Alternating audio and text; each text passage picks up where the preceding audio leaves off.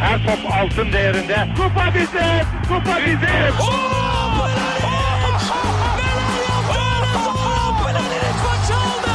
Dengeli de attı.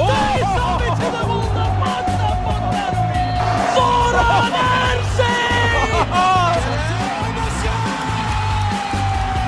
Dışarı çıkardı. Geldi, geldi, geldi.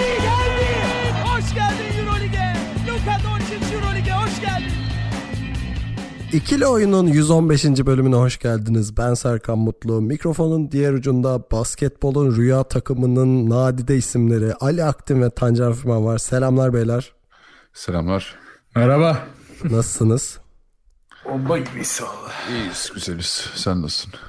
İyiyiz ya. Aynı işte. Ne yapalım? Bir Babalık nasıl gidiyor? babalık iyi abi. Genel olarak babalık ilk dönemde sadece kaka temizlemekten ibaret olduğu için o görevimi başarıyla ifa ediyorum. Çocuğu böyle pit stop'a sokar gibi bezini değiştirebiliyorum şu an. Süre falan tutacağım 8.9 saniye falan. o işte bir de bir Noel ruhu var ama yaşayamadık henüz. Dur bakalım. İşte Noel gecesi yine bez değiştireceksin. Ne yapacaksın işte. Aynen maalesef yani. Ee, bir süredir görüşemiyorduk. Ee, bunda biraz benim de suçum var gene. Babalık müessesesinin yani. o Normal yüzden abi. NBA'yi bir atladık ama hemen haber verelim şimdi. Euroleague yayını çıkınca millet abi NBA nerede diye gelecek. NBA yolda. yolda yolda geliyor. Yok yarın da NBA yayınlayacağız. Ama önce şu Euroleague haftasını bir aradan çıkaralım dedik. Konuşmaya başlamadan önce bize görüş, yorum, öneri ve soru iletebilecek kanalları hatırlatayım. Web site adresimiz ikiloyun.com, mail adresimiz selam@ikiloyun.com, Twitter, SoundCloud ve Spotify'da İkili Oyun takip etmeyi unutmayın. İçerik ortağımız Geek Yapar'ın YouTube kanalından da yayınlarımızın takip edilebildiğini hatırlatayım. Son olarak Telegram grubumuza bekleriz. t.me slash ikili adresinde e, tartışmaya değer şeyleri tartıştığımız bir grubumuz var. Bu ne demek? LeBron versus e, Michael Jordan tartışmıyoruz demek Abi tarihin en iyi beşi abi. falan. ya bu şey tarihin en iyi beşi olabilir abi. Bu konuşulur yani benim canımı sıkıyor da bu şey konusunda artık LeBron, Michael Jordan konusunda ben üretilmedik fikir kalmadığını düşünüyorum. Ya bir de amaçsız geliyor ya artık. Hani tamam yani konuşuldu her şey. De artık bir yere de gitmiyor. Bir de herkes tartıştı ve bitti yani. Aynı şeyler dönüyor ya o da kötü. Evet yani bir Biz de bile- herkes şey orada fikrimi beyan edeyim de hani etmedi demesinler gibi davranıyor. Ki Tabii. buna biz de dahiliz yani. Benim pişman olduğum bölümlerden biri bizim LeBron Michael Jordan bölümü ama yaptık çocuktuk gençtik Ali dedi yapalım diye. Hemen at. Olsun Yok, yok. biz de biz de fikrimizi belirttik falan. Evet, aradan çıkardık. Ha şeyi de hatırlatayım tabii. Tancan'ın Twitch kanalı. Twitch.tv slash Tancan adresinde ahşap doğrama, kapı cilalama ve pencere vernikleme konusunda yayınlar yapıyor Tancan. Ee, gidip Evet. izleyin ve takip edin. Bu ara store perde işine de giriyorum hafiften. Oo güzel. Aynen. Pen, İşte, pencerenize işte bu işte bu iyi haber. Bu her şeyi değiştiriyor. Artık e, podcast'ta da ayrı bir yön verecek. Store perdeler. E, Tabii. bakalım güzel olacak. E, mutluyum. Store perde bölümüne artı bin e, izleyici gelmiş. Şey clickbaitmiş değil mi Store perde?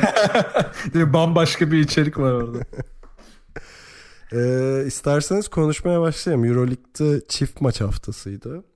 Ee, Fenerbahçe ve Efes'i konuşacağız tabi. Sırasıyla yani her, iki takım da CSK ve e, Buduşnos'la oynadı.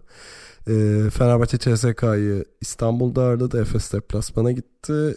Buna karşılık Fenerbahçe Buduşnos deplasmanındaydı. Efes Buduşnos'ta ağırladı şeklinde. Ee, ya Budusnos, Bud, Buduşnos maçlarını e, biraz hızlı geçebiliriz. Çünkü gerçekten hani Efes'te zaten direkt e, garbage time'a döndü. Fener'de böyle biraz avıyla oynayan e, kedi gibi bir takılıp 5 dakikada tokatlayıp bıraktı gibi oldu yani. Ee, hani onları biraz daha hızlı geçelim ama CSK maçlarını biraz daha e, derinlemesine konuşuruz diye düşünüyorum. Var mı Buduşnos maçlarına dair söyleyeceğiniz bir şey? Vallahi Yok düşündüm. tamam devam edelim. Sessiz kaldık direkt. Cidden söyleyecek hiçbir şey yok ya. Maçları hızlı hızlı izledim. Yani hiç konuşacak hiçbir detay yok. Ya Valla ben de biraz e, istatistiklere falan baktım özellikle Fener maçını izlerken. Yani Buluşnos hani kazandığı o sayılı maçlarda da böyle çok üst düzey şut ritmi ve yüzdesi yakalayabildiği için o maçları kazanmıştı. Ne Fener maçında ne Efes maçında bunları beceremediler. O yüzden hani çok büyük bir şey e, seviye farkı ortaya çıktı. Hani Efes ma- e, şey Fener maçında bir ilk iki çeyrek skor olarak tutunmayı başar, başardılar da e, gerçi Efes maçında da öyleydi ama yarıdan sonra her iki maçta da dağıldılar. O yüzden e, bizim temsilcilerimiz adına bayağı rahat geçti. O zaman ben de bizim takımlarımız adına Zikic hocamız diyorum kendisini üzdük kırdık bu hafta. Ona haftaya iki porsiyon dürüm yollayarak e, teşekkür şey, özür özür dileklerimizi ileteceğim. Ee, ama CSK maçlarını bir masaya yatıracağız tabii. Yani hem Evet. Fener'in hem Efes'in. Çünkü e, ya Fener CSK maçı zaten seyir zevki olarak çok üst düzeydeydi. Bir de hani o, o eşleşme her sene bir şey yapıyor. Bir seyircinin ilgisini bayağı bir çekiyor. Ee, ve adına yarışır bir maç oldu. Yani bayağı başa baş geç- geçen bir maçtı. Fener e, yanlış hatırlamıyorsam 16 sayı kadar geriye dü- düşüp e, oradan maçı çevirmeyi başardı. İstersen Ali senle başlayalım burada. Evet, e, Fener CSK maçına gerçekten kötü başladı. Yani o e, bunca haftadır süre gelen Fenerbahçe'nin çok formdaki görüntüsünden uzaktı. Ve bunun da tabii en büyük göstergelerinden biri savunmadaydı. Yani CSK topu çok rahat köşelere indirdi. Oralardan e, rahat şutlar buldu ki bunları da gayet maç başında yüzdeli attılar. Yani Fenerbahçe'de bir savunma oyuncusu köşeye inip daha eli kaldırana kadar Fenerbahçe sayı yemiş oluyordu. Bu zaten maçın başı böyle geçti. Fenerbahçe bir de hücumda da ekstra ritimsiz başlayınca e, fark bir gitgide açılmaya başladı. E, Buna karşında CSK savunmada gerçekten e, çok eforlu başladı. Hiçbir kolay şut imkanı sağlamadı Fenerbahçe'ye. Her şuta el gösterdiler. Ya oralarda Kalin için mesela üst üste iki sayısı vardı iki, iki, ilk çeyrekte. E, İkisi de aslında birbirinden çok zor şutlardı. Hiç boş e, imkan yoktu. E, ikinci çeyrekte mesela yine CSK'nın o e, yüzdeli atışları devam etti. Bir ara yüzde 75'lere kadar çıktı iki sayılık isabetleri. E, Clyburn, Higgins, Hackett üçlüsüne savunmada hiç cevap veremedi Fenerbahçe. Sadece işte e, hücumda o son saniye e, Gudur için son saniye üçlüyle ki o da Fenerbahçe maçtaki ilk üçlüydü. Bununla cevap vererek o farkı 16'dan 13'e mi indirdi? 14'e mi indirdi? Öyle bir şey oldu Ee, orada. 12'ye indirdi. 15'ten 12. 15 12 mi? Okey. Ee, üçüncü çeyreğe yani ikinci yarıya başladığımız maçı var. Çünkü çok da şey geyi dönüyor. Hem yayında hem sonrasında acaba Obradovic işte devre arasında ne dedi? Küfür mü etti, bağırdı mı çağırdı mı? Neyse işte öyle bir şeyler döndü. Herkes onun merakındaydı. Ee, Fenerbahçe üst çok enerjik başladı ki böyle bir reaksiyonda zaten bekliyorduk. Ee, hem savunmada hem hücumda. Ve bence e, ki orada yine e, ateşi yakan isimlerden biri Datome'ydi. Orada Itudis'in bir karar vermesi gerekiyordu. Mola mı alacak yoksa bu mola haklarını şey çeyrek sonuna mı saklayacak? Çünkü Fenerbahçe maçlarında ki yıllardır artık Fenerbahçe CSK maçları böyle son topa kadar gittiği için e, böyle satranç hamleleriyle geçebiliyor. O Itudis'in kararı bence maçı orada bitirdi. Itudis mola almadı. Dotome'nin sayıları sonrası bir de Veseli'nin smacı gelip bütün momentum bir anda Fenerbahçe'nin arkasına geçti ki e, zaten seyirci dünden razı şey e, belki yani yılın en çok beklenen maçı Ülker Arena'da. Veseli o smacı vurunca ve Itudis molayı almayınca bir anda Fenerbahçe'nin e, arkasına geçti ve fark bir anda baktık. E, Itudis molayı alana kadar döndü, e, fark dörde inmişti. Oradan sonra zaten işte 19-0'lık seri geldi. Ha buna rağmen yine CSK son çeyrekte mesela 5 dakika kala yanılmıyorsam yine bir e, 7 sayı öndeydi. Ama maç artık Fenerbahçe'nin kontrolüne geçmişti. Ve kırılma noktalarında çok iyi oynayarak Fenerbahçe ki burada da e, siz de bahsedeceksiniz Fenerbahçe'nin e, rebound üstünlüğünü. E, CSKA Mos- Moskova'nın sadece bir ofansif rebound alabilmiş olması çok çok büyük bir fark zaten e, maçı etkileyen ana faktörlerden biri. Böylece Fenerbahçe hani bazı şeyleri kötü yapsa bile e, böyle büyük maçları e, alabildiğini gösterdi bize. Şimdi şeyden bahsetmek istiyorum ben de Tancan'a sözü geçirmeden. CSK ilk yarı 48 sayı buldu. İkinci yarı sadece 27 sayı buldu. Ee, hani Tancan bundan detaylı bahsedecektir herhalde ama benim için ilk yarın hikayelerinden biri CSK'nın devamlı Fenerbahçe orta sahayı orta alanı geçtiği anda baskı başlaması. Ve bu şey de değil tek adamla da değil 2-3 oyuncuyla baskı yapıyorlardı. E, Fenerbahçe'nin bunu çözmesi çok çabuk olmadı. Yani o perimetrede baskı yapıp e, geçiş hücumunda sayı bulmak üzerine bir e, taktik belirlemiş Itudis. Evet çalışıyor ama hani bunu 40 dakika sürdürmek çok zor birincisi. İkincisi de Fenerbahçe pota altından oynamayı yani topu Veseli'ye indirmeye başladığında bunu çok kolay kırabilecekti.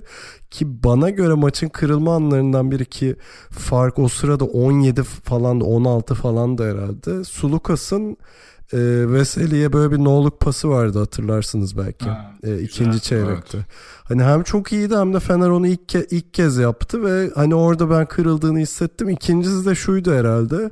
İşte Ali'nin bahsettiği fark 15. Son top Guduric üçlük attı. 12'ye indi fark ki 12 çok ciddi bir fark yani baktığında özellikle Euroleague için. Belki NBA'de çok daha çabuk dönüyor maçlar ama işte böyle bütün takımın gelip sarılması, seyircilerin sevinmesi yani orada izlediğimde yani takımın da bu maçın döndüğüne inandığını görmüş oldum. Normalde çünkü fark 12'ye indiğinde o kadar sevinmezsin yani.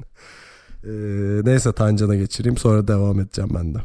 Yo dediğin çok doğru ya o havayı havaya getirmesi için zaten soyunma odasına da muhtemelen havayı o getirdi. Ya. Ben Obradovic'in çok aşırı sert bir konuşma yaptığını düşünmüyorum. Çünkü Fenerbahçe ışığı vermeye başlıyordu o o üçlükle beraber. Aksine hatta Obradovic e, galiba ilk yarıda mıydı ya? ikinci yarıda da olabilir. Bir molada yani hücumda ne yaparsanız yapın ama savunmada şunlara dikkat edin diye detaylandırdığı bir molayı tek başına aldı zaten. Ha belki savunma tarafında işte belli kriterleri değiştirmiştir. Ama e, gerçekten ikinci yarık dönüş çok iyiydi. İlk yarıyla ilgili olarak hani e, sen yine senin dediğin bir noktadan yola çıkacağım. Bunu 40 dakika yapmak çok zor dedin ya. Bunu yapan zaten bir takım Fenerbahçe'ye geçen sene yenmişti. Jargiris. Jargiris bu tempoyu, o baskıyı çünkü Fenerbahçe gibi yarı sahada yenmeniz çok zor olan bir takımı geçiş hücumlarına mahkum etmelisiniz ki size daha kolay pozisyon versin ki Fenerbahçe geçiş savunmasında gerçekten çok kötü bu arada. Yani hiçbir oyuncu ne yapacağını ya da nereye baskı yapacağını, kim adamı nerede, kim nereye koşuyor, nereye bakacak falan çok hızlı karışabiliyorlar. Zaten Obradoviç bunu bildiği için e, hücumu bu kadar e, koordineli ya da bu kadar seçerek oynatıyor. Yoksa daha rahat oynatır. Belki Fenerbahçe daha yüksek skorlar üretebilir ama o zaman çok fazla skor yememesi için de hiçbir e, alan bırakmamış olur. Yani çok fazla skor yiyebilir. E, bunu bildiği için Itudis doğru noktada aslında e, oyunu kurmuş. Zaten stratejilerinden biri buydu. Diğer stratejisi de Fenerbahçe pick and roll'lerde ne yapacak? Şimdi Fenerbahçe pick and roll'lere sıkıştırma ya da show up getirerek başladı. Burada da CSK üstündü. Çünkü topu çok hızlı çevirdiler ve köşeden devamlı üçlük buldular. Hatta üst üste üç üçlük falan buldukları bir periyot bile oldu. İki, iki de olabilir. Yani üç mü iki mi tam hatırlayamadım. Ee, üç dört tane hatta ya. Daniel Hackett üst üste iki tane attı. Sonra Corey Higgins falan atmaya ha, başladı. Mi? Aynen. Bir tane yani Higgins atmıştı. Daha maçın hemen başıydı zaten. Aynen. Ya yani onu bir türlü çözemediler. Sonra ikinci strateji olarak e, işte kısaları yani CSK kısalarını özellikle Dixon oyundayken sırtı dönük oynatmaya başladılar. Buradan da skor ve faal, faal çıkardılar. Ki Dixon'ın savunma zaafını iyi kullandılar. Orada da Itudis iyi bir plan yapmış. Ama işte bütün bu planlar ilk 20 dakika içerisinde çalıştı. Yani kesinlikle 40 dakikaya yayabilecek bir hazırlığı yapmamış Itudis. Burada ama şunu çözdü. Aslında niye bunu devam ettirmedi onu da anlamadım. Üçüncü çeyreğin ortasından itibaren yani hücumda çok zorlanan bir CSK vardı. Orada topu Clyburn'e verdi ve Clyburn tek başına hem pick and roll'leri oynayarak hem köşe şütörlerini yine bularak hem çembere giderek hem post-up oynayarak yani neredeyse takımın bütün hücum opsiyonlarını tek başına yükleyerek çok iyi bir üretim sağladı. Ama ne hikmetse son 5 dakikada Clyburn'a hiç top gelmedi.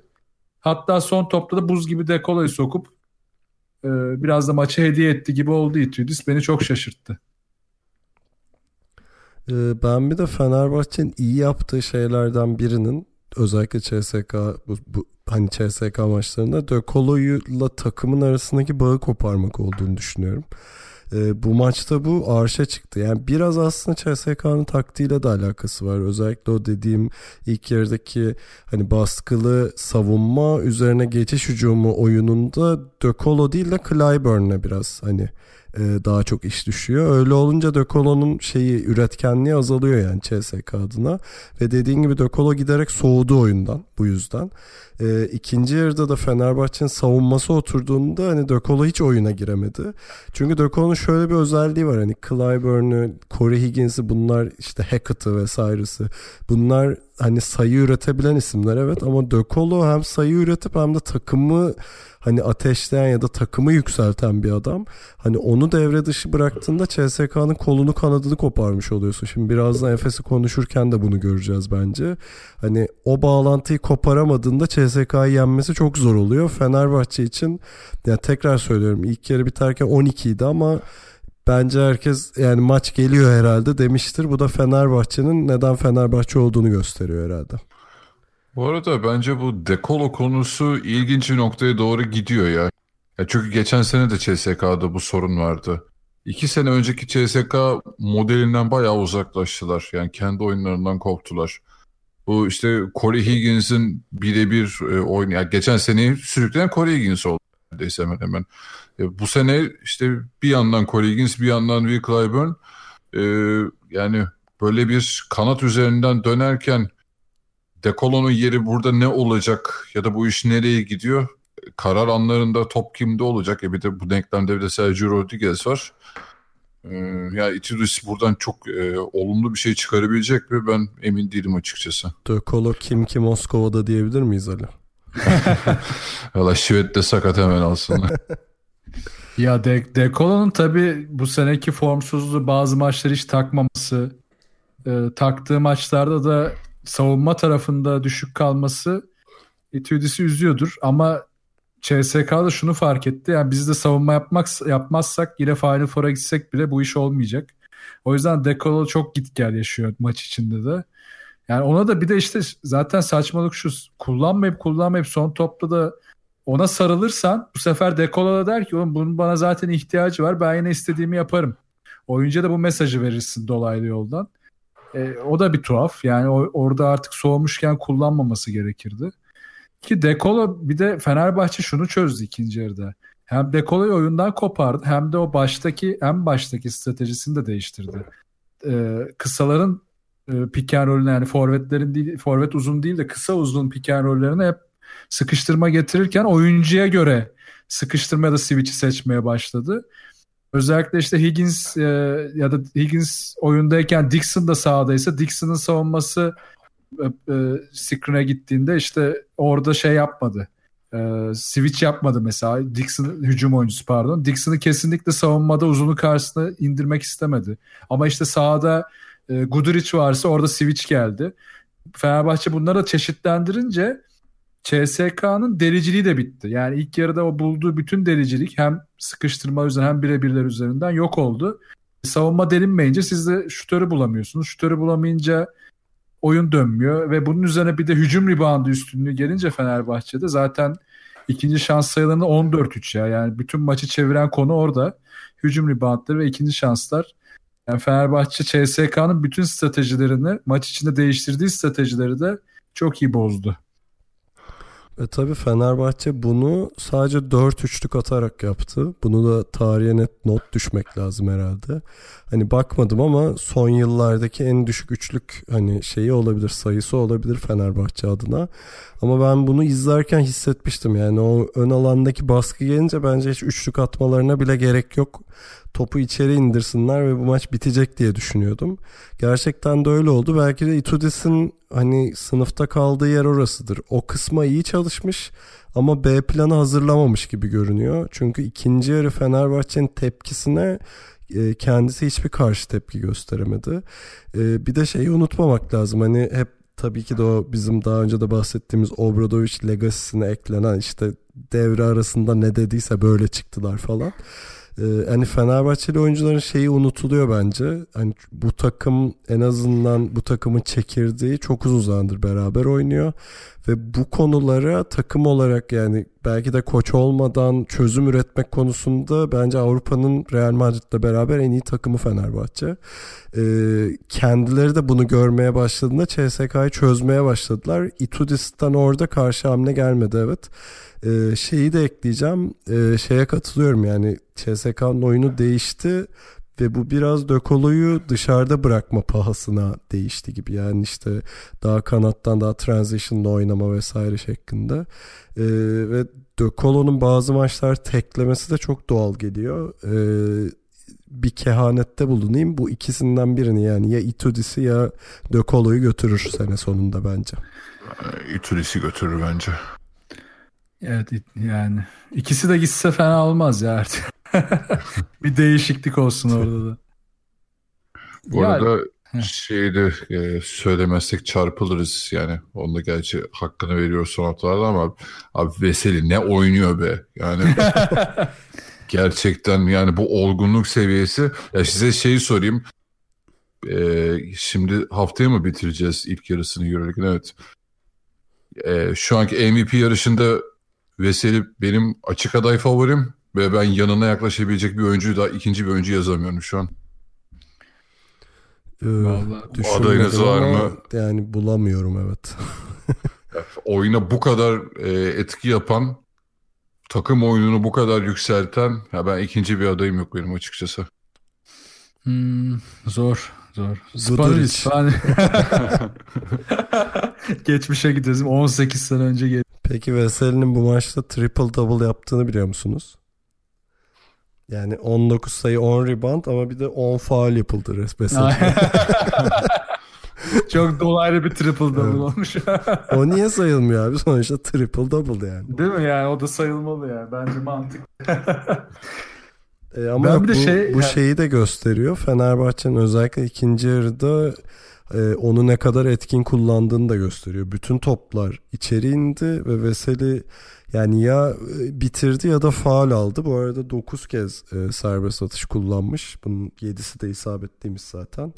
E, bu da Veseli'nin oradaki üretkenliğini ve takımın onu ne kadar iyi kullandığını da gösteriyor herhalde.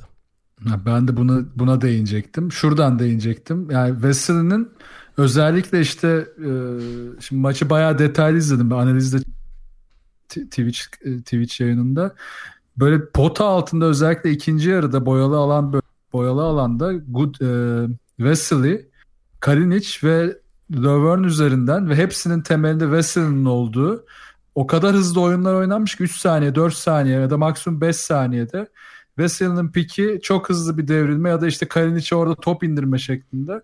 Hem Kalinic çok üretti orada hem de Löwen tamam çok ciddi bir üretim yapamadı ama çok fazla pozisyon yarattı kendine ve çok iyi bir rebound pozisyonlarına girebildi. Zaten 4 hücum reboundu aldı.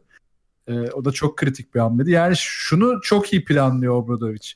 Ben boyalı alandaki üstünlüğü sadece skor üretmek için yapmıyorum. Ben orayı tamamen hakimiyetimi almak için yapıyorum. Çok iyi kuruyor. Yani skor üretmenin yanında hücum reboundu da orada. E, faal alma orada. Çembere yakın olduğu için üretkenlik çok yükseliyor. Ee, ben o yüzden biraz bu Fenerbahçe hep işte geçen sene Avrupa'nın San Antonio'su mu diyorduk. Şimdi biraz daha Golden State'i mi demeye başlıyorum bence. Çünkü hani evet şimdi şey denebilir. Ya abi ne alakası var hızlı mı oynanıyor falan. Hızla alakası yok. Verimlilikle alakası var.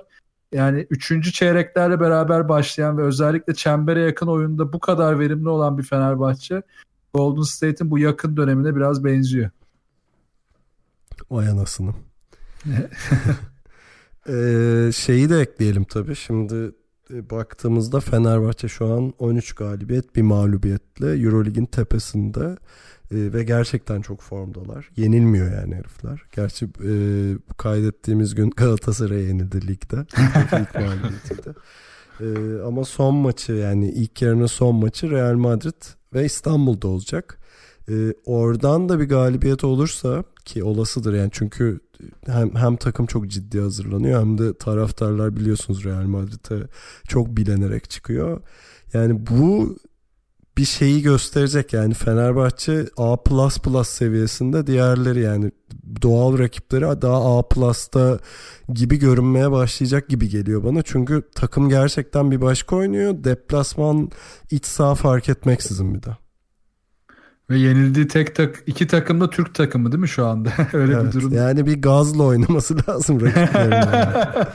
Ee, çünkü Galatasaray maçında da aynıydı. Hani evet işte ezeli rekabet falan ama devamlı baskı herifler hayvan gibi koştular falan ama Euroleague'de yani herhangi bir normal sezon maçında bu kadar gaz bir ekiple oynamadıkları için belki de daha rahat işleri yani.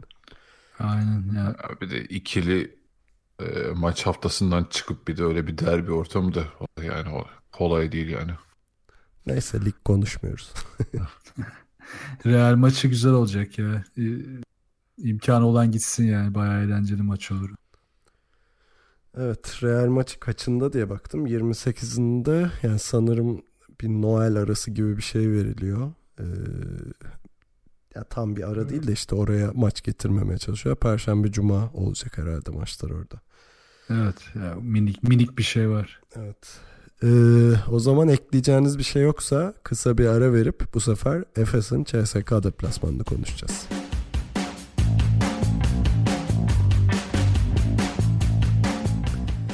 O zaman Efes'te devam edelim. Ee, Efes'te yani Buduşnos'tu rahat geçtikten sonra CSK deplasmanında belki biraz başa baş başlayan bir maçtı ama e, sonu biraz daha acılı bitti herhalde. Burada da Tancan senle başlayalım. Efes neden kaybetti?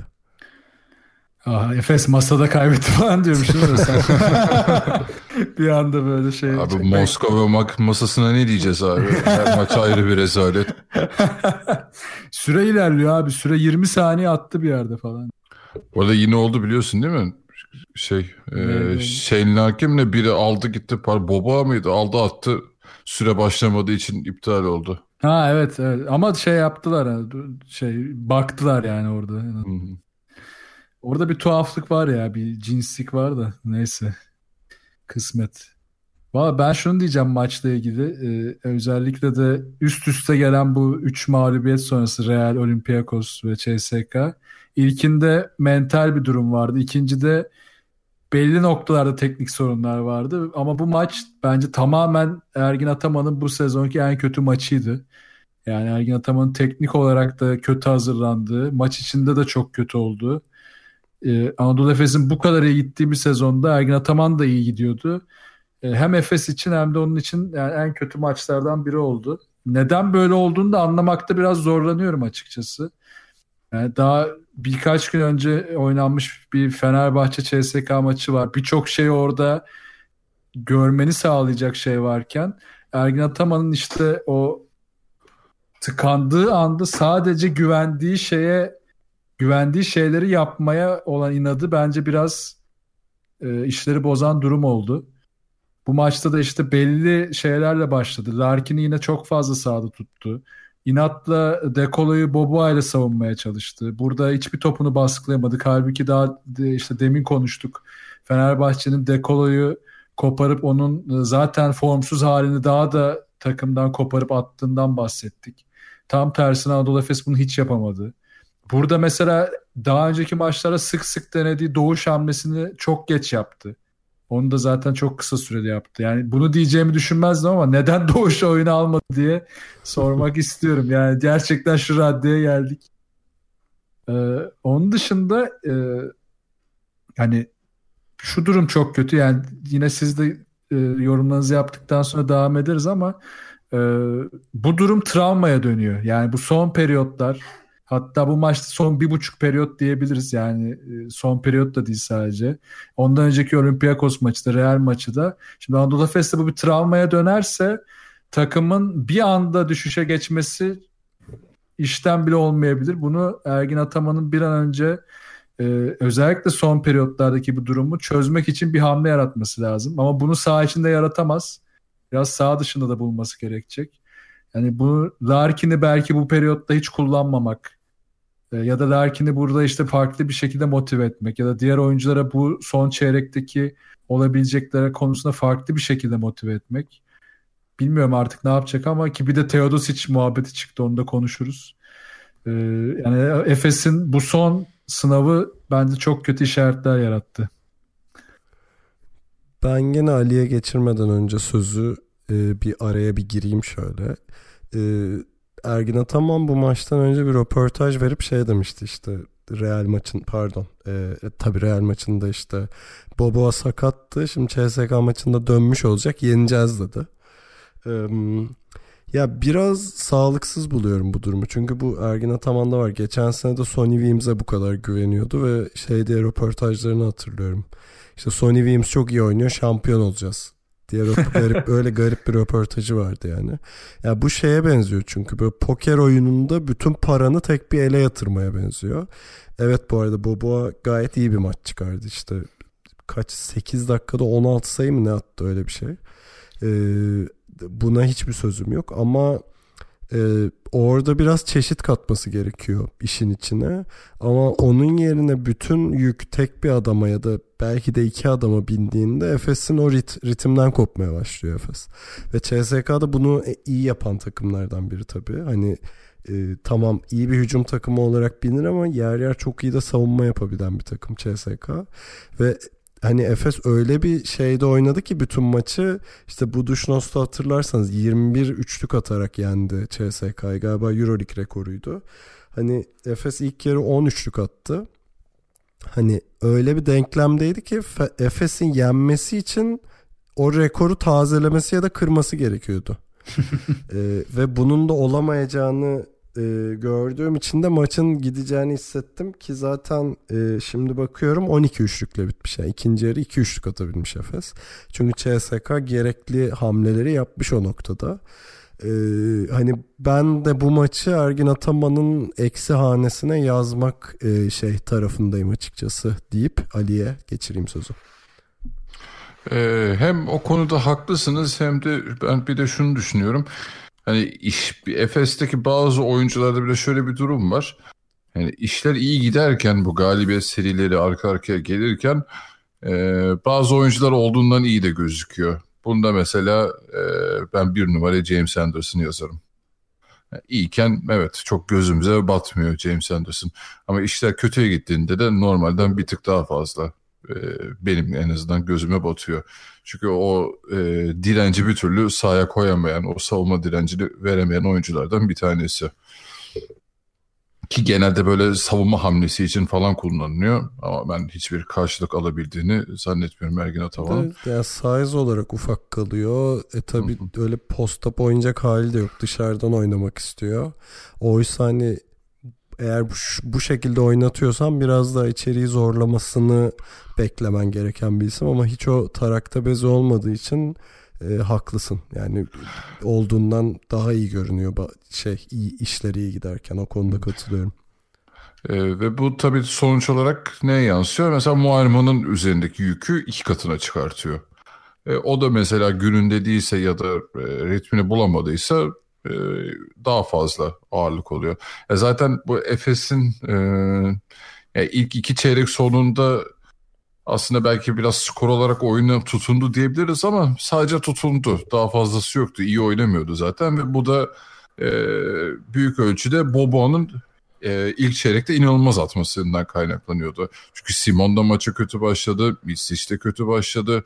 Çok e, basit top kayıpları geldi. Kötü paslar yapıldı. Falan zaten onda da Ergin Atam ısrar etmedi. Hemen Larkin'le Anderson'ı aldı oyuna.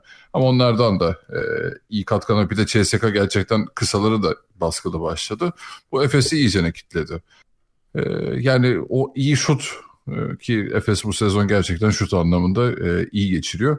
O biraz tuttu ama zaten 3. çeyrekte Efes iyicene darmadağın oldu. Bu reboundları hiç alamaması sürekli şey ikinci, üçüncü şansları bulması CSK'nın Efes'in mental olarak orada zaten bitir ve buna karşı hiçbir hamle gelmedi.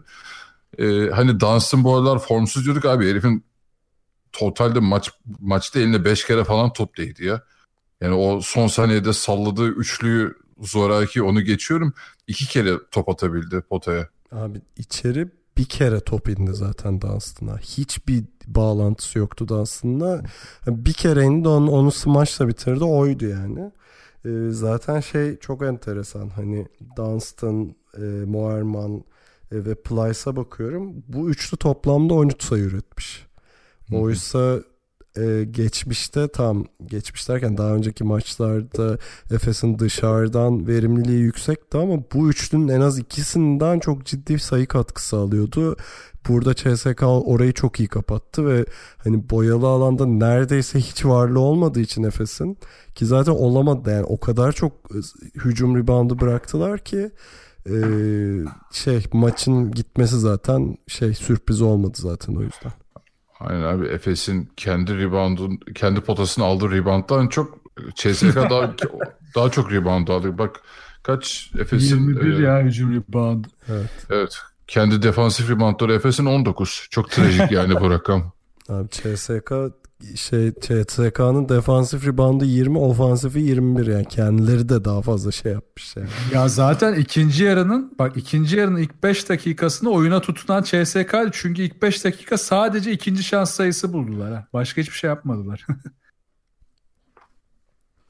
Neyse yani e, kapatırken de kendi sözümü şunu yani bu e, Baskonya maçından sonra işte çok iyi bir galibiyet serisiyle devam ediyordu Baskonya maçında. Kazandı Efes.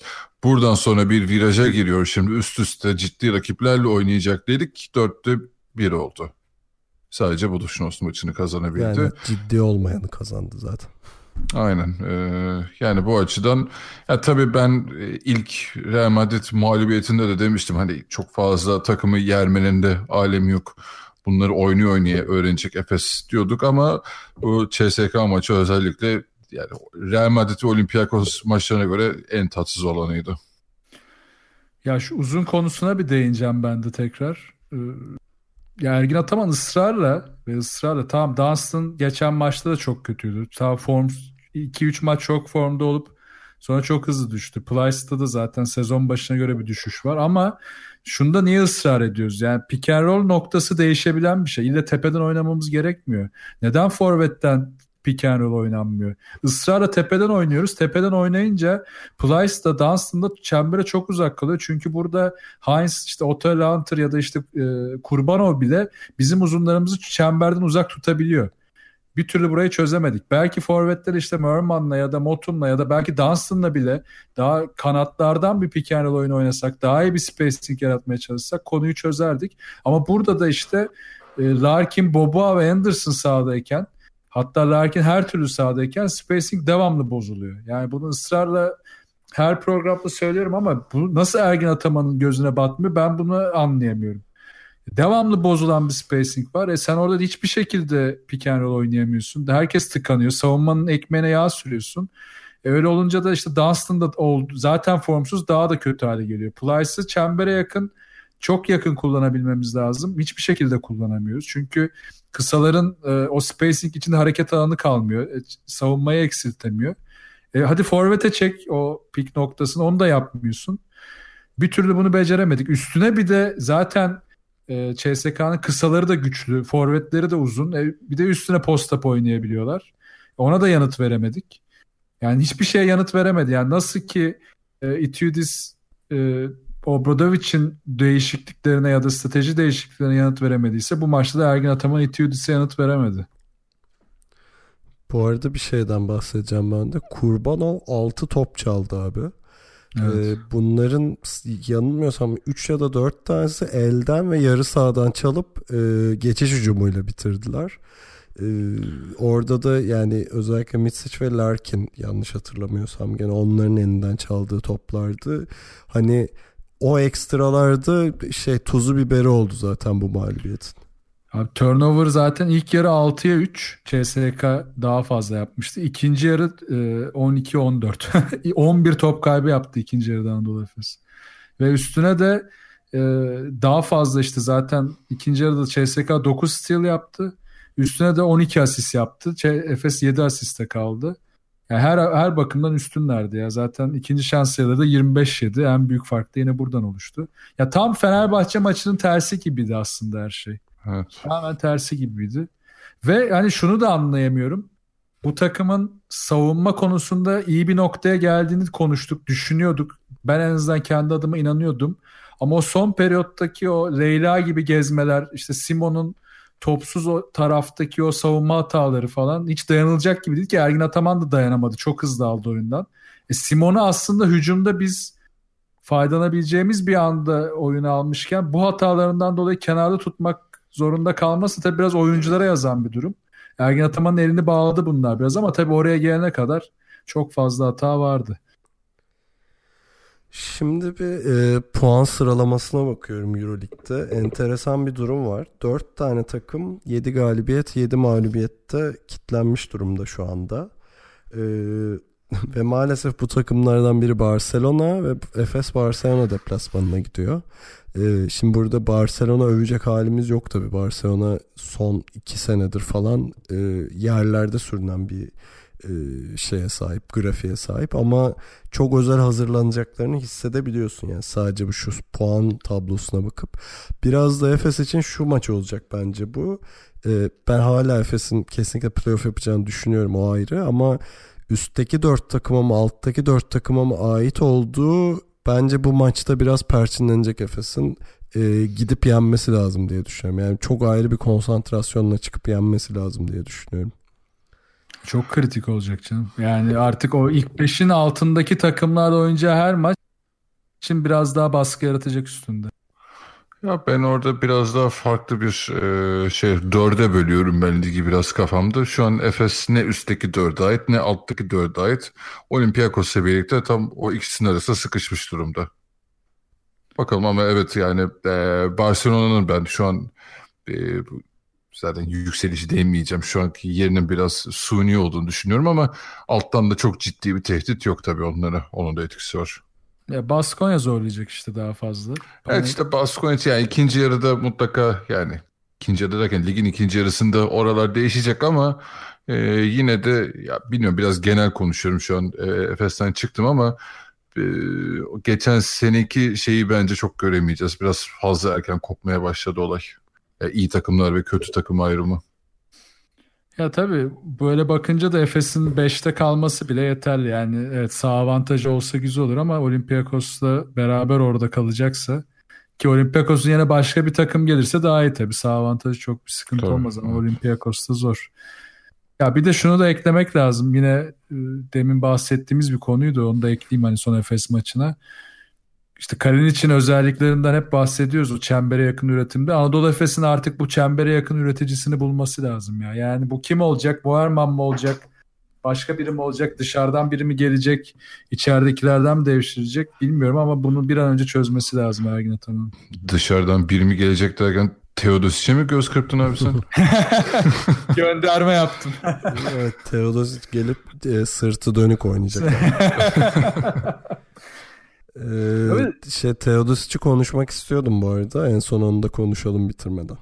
Konuşalım. Yani bana Larkin gidip gelecekse ki sözleşmesinden nasıl çıkılacak bilmiyorum. Yani para ödenip çıkılacaksa yapılması inanılmaz saçma olur şu ekonomik ortamda.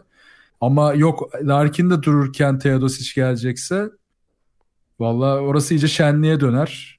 Nasıl dakika dağıtacak, kimi nasıl oynatacak, Misic'i e, zaten orada kesemezsin çok değerli. E, Boboa zaten formda. 3 oynatabileceğin zaten bir Simon'un var elinde doğru düzgün. İşte biraz ucundan Anderson var. Bence kötü bir tercih olabilir ya Teodosic'in gelmesi. Şu anda olur. Yani sezon başı olsaydı ben kabul ederdim ama şu anda kötü bir tercih. Ya gerçekten yıllar sonra Efes'in çok iyi bir kısa rotasyonu var. Buna bir de Teodosic'e eklemek yani evet iyi görünüyor. Kimse hayır demez Teodosic'e de.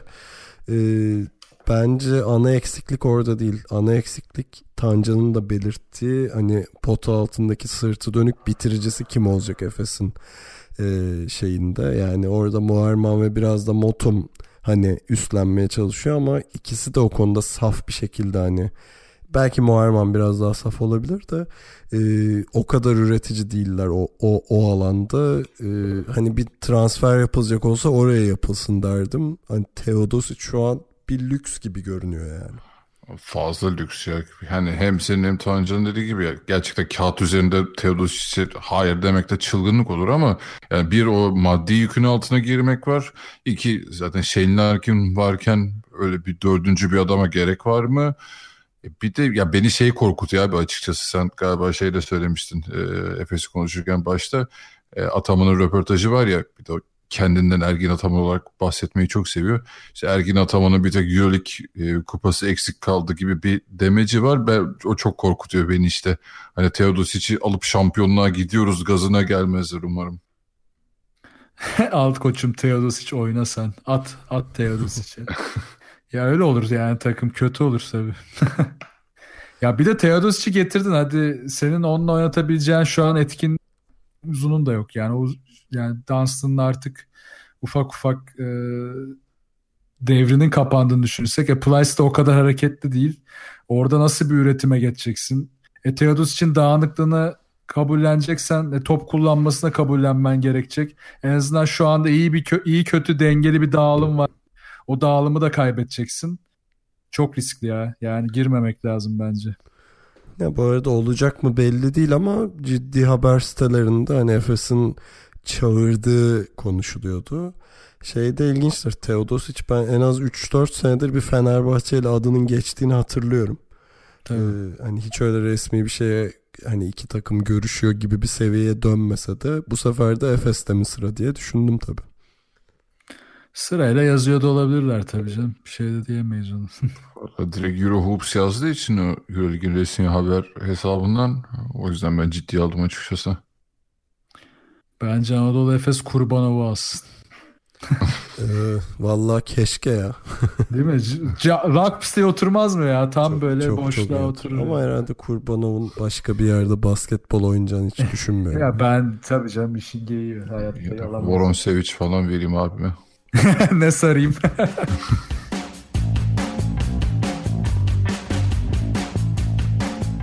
İkili oyun dinlediğiniz için çok teşekkür ederiz. Dediğim gibi yani programın başında da hatırlattığım gibi NBA nerede abi diye sormayın. Yarın NBA yayınımız yayında olacak. Ee, buradaki gecikme için dostlarım adına özür diliyorum. Çünkü kaka temizliyorum devamlı.